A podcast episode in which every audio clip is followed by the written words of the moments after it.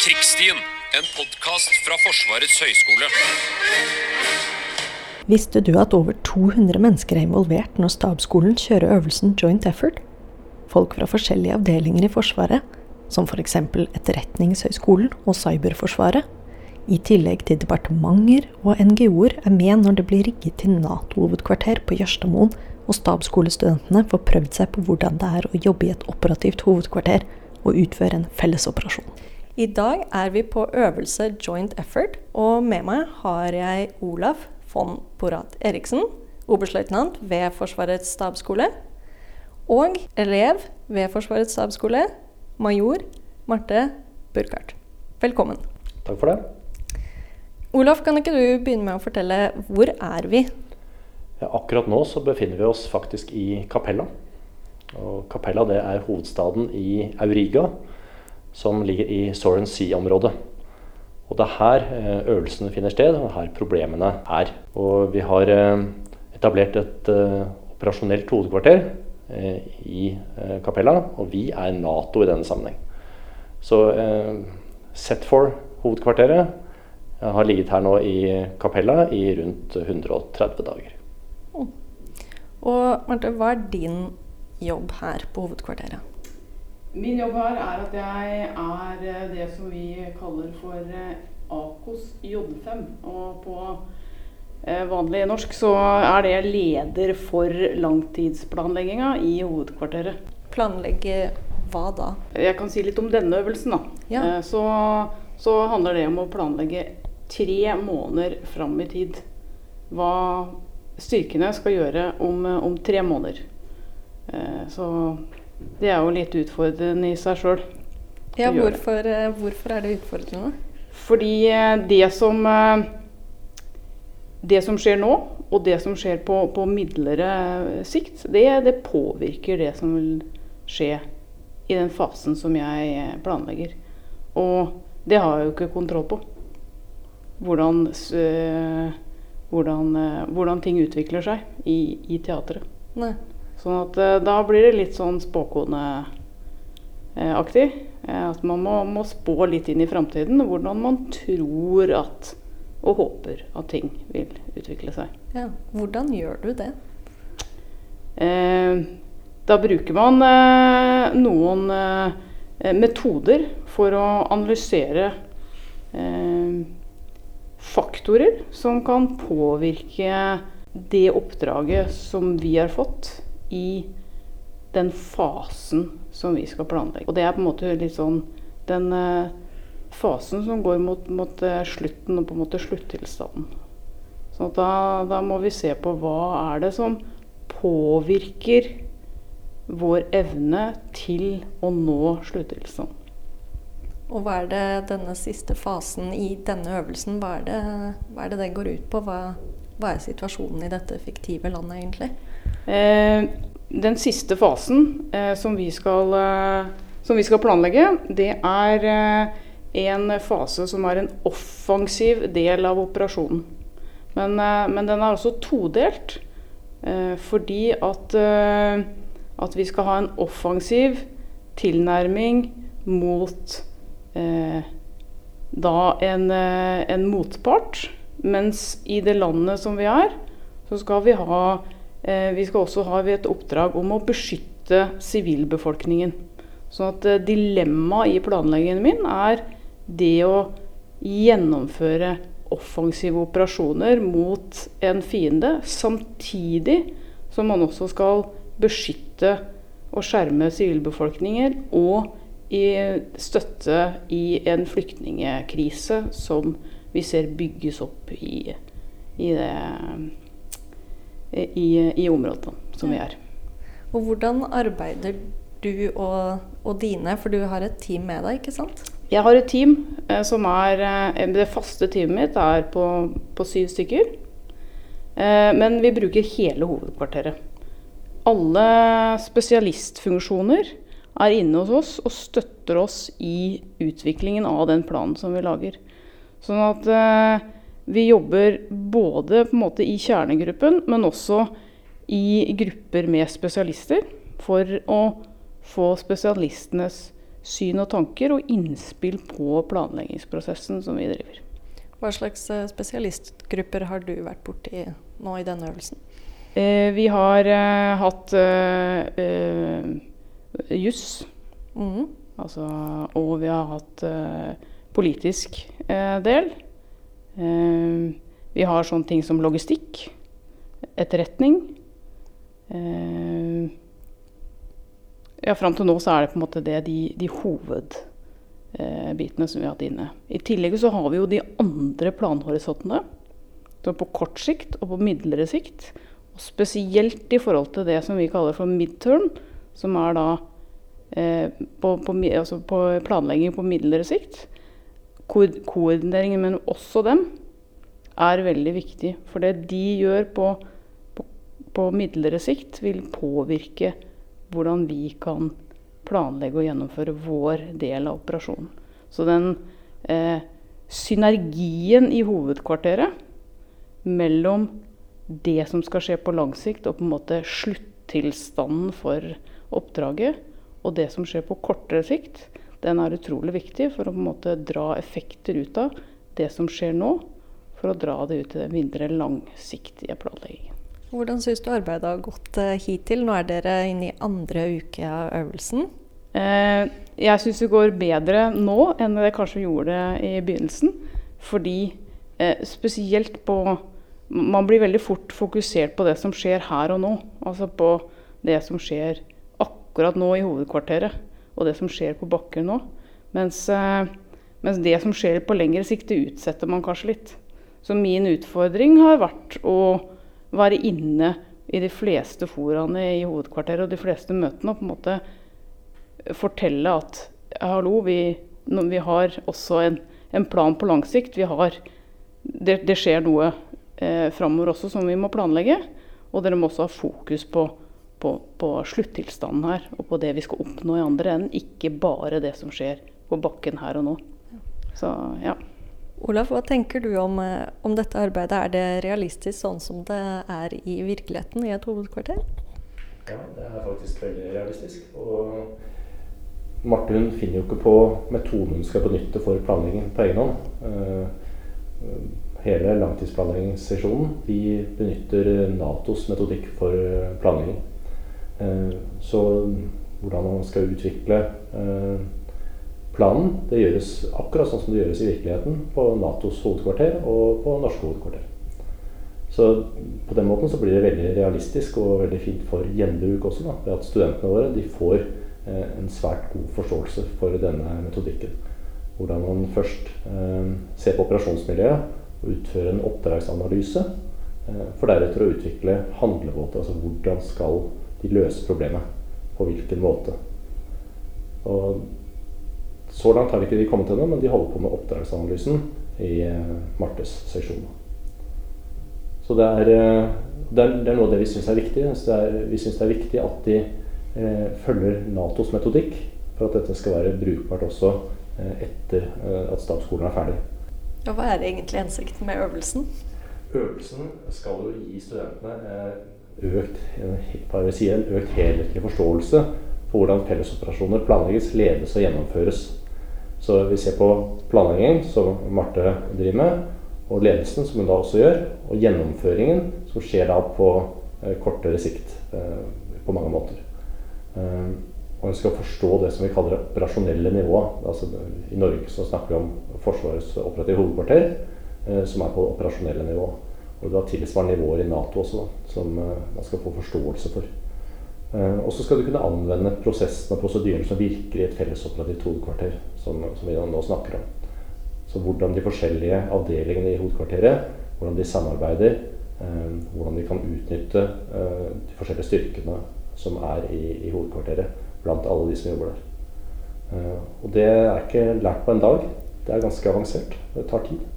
Men vi ser også en veldig fremgang fra dag én og nå har vi kommet til dag fem, dag seks, og da er det stor fremgang og spor. Ja, det er det. Absolutt. Ja, ja. Så de er flinke, disse studentene våre. Det er bra. Men du sa fellesoperativt hovedkvarter. Kan du kort forklare for oss felles, felles for hva da?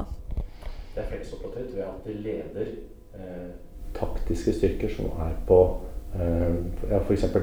landstyrker, sjøstyrker, luftstyrker, spesialstyrker blir ledet fra dette hovedkvarteret. Og det gjør man for at vi ser at det er veldig få operasjoner som bare skjer i én dimensjon. Det er, ikke, det er veldig sjelden å ha rene landoperasjoner eller rene, rene sjøoperasjoner. Vi har disse fellesoperasjonene hvor de styrkene skal eh, jobbe sammen for å nå en målsetning.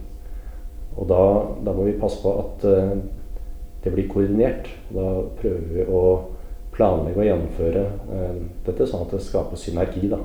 At én pluss én blir ikke to, men det blir tre eller mer.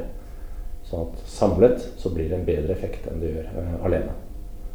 Eh, så den planen som uh, Marte og de andre nå holder på å utarbeide, den skal gjøre akkurat det. Den skal skape synergi.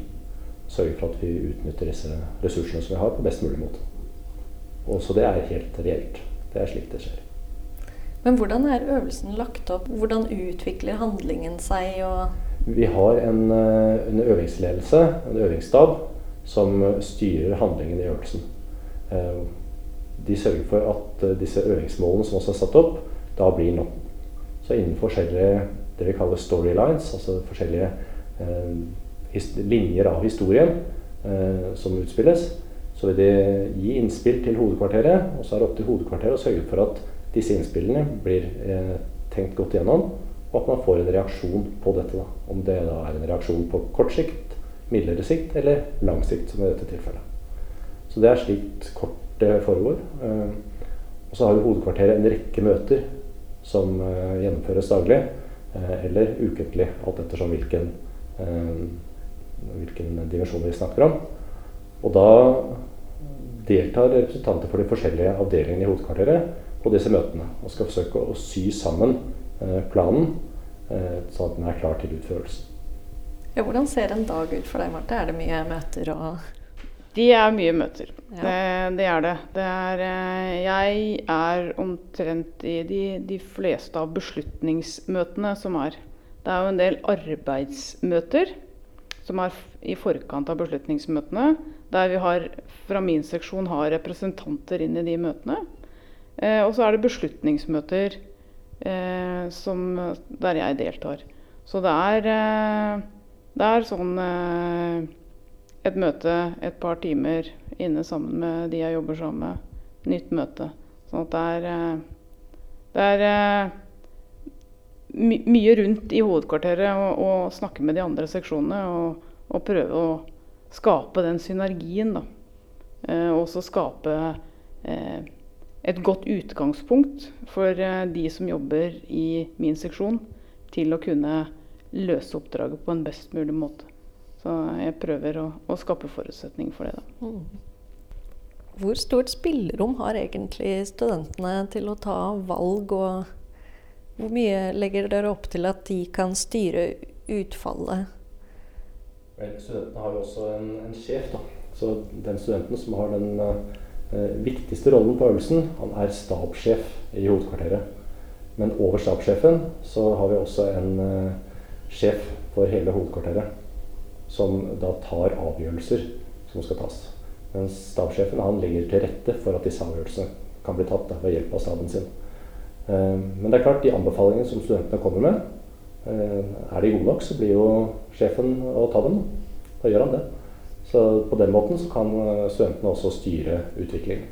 Men vi, jo, vi som er veiledere har jo også en formening om hvordan dette bør utvikle seg for at studentene skal nå læringsutbyttene sine. Så hvis eh, studentenes forslag går helt på tvers av det som vi mener er fornuftig for at de skal nå sine egne læringsutbytter, så kan vi gå inn og endre det, da. Men det har ikke så ofte vært nødvendig under denne øvelsen.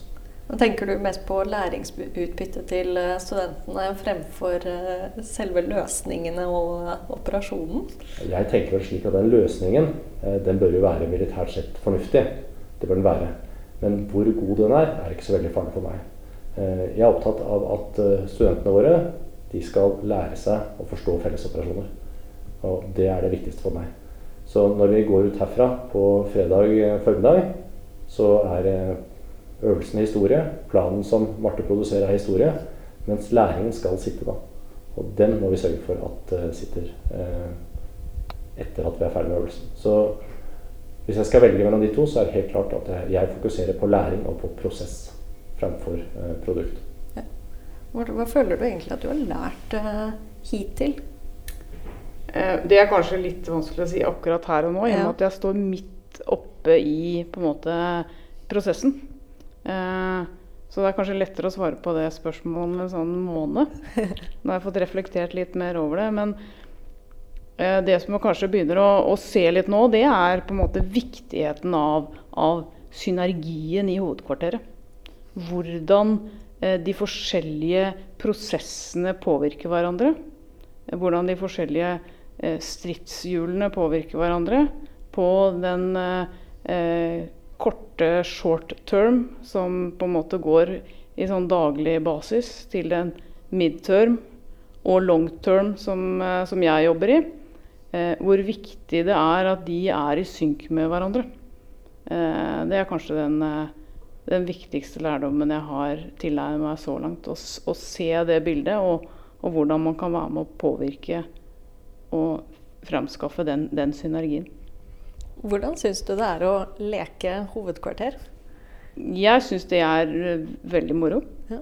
Det, det syns jeg. Um, fra å ha uh, sittet på skolebenken i et stort auditorie i uh, snart et år, og være ute og på en måte gjøre jobben ordentlig som vi skal gjøre i framtida, uh, det er en, ikke bare en god avveksling, men det er også en en veldig eh, lærerik arena for at eh, eh, i, i, en trygg ramme med veiledere som veileder deg så du eh, kommer deg innpå det riktige sporet og gjør prosessen riktig. Eh, med medelever. Og det, det, er jo ingenting farlig som kan skje om man gjør noe feil. Da kan man stoppe opp, og så kan man gå tilbake et skritt, og så kan man gjøre det en gang til. Eh, det er veldig lærerikt, og det er kanskje den beste øvelsen jeg har vært på i min karriere så langt. Der man virkelig får muligheten til å lære, og til å bli veileda innenfor det, det, faget man skal jobbe med i, resten av karrieren. Det er kanskje det som er unikt da, for øvelse joint effort det er at vi setter sammen et hovedkvarter, eh, men det er ingen som er avhengig av oss.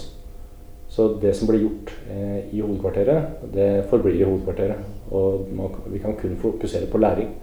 Så som Martha sier, hvis noe ikke går så bra, så har det ingenting å si. Vi kan spole tilbake, og så kan vi gjøre det på nytt.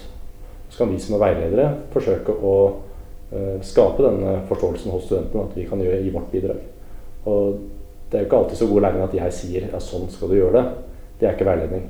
Å, jeg må jo prøve å få Marte til å forstå at det er kanskje sånn du bør gjøre det. Og hvis hun innser det selv, så er jo kanskje grunnlaget for læring skapt. Så det er min måte å gjøre dette på. Hvordan syns du det har fungert egentlig? Det syns jeg har fungert bra. Eh, det er selvfølgelig viktig å, å, snakke om det litt på forhånd også. Hvordan, eh, hvordan har man tenkt å gjøre prosessen, og at man har en dialog med veilederen underveis.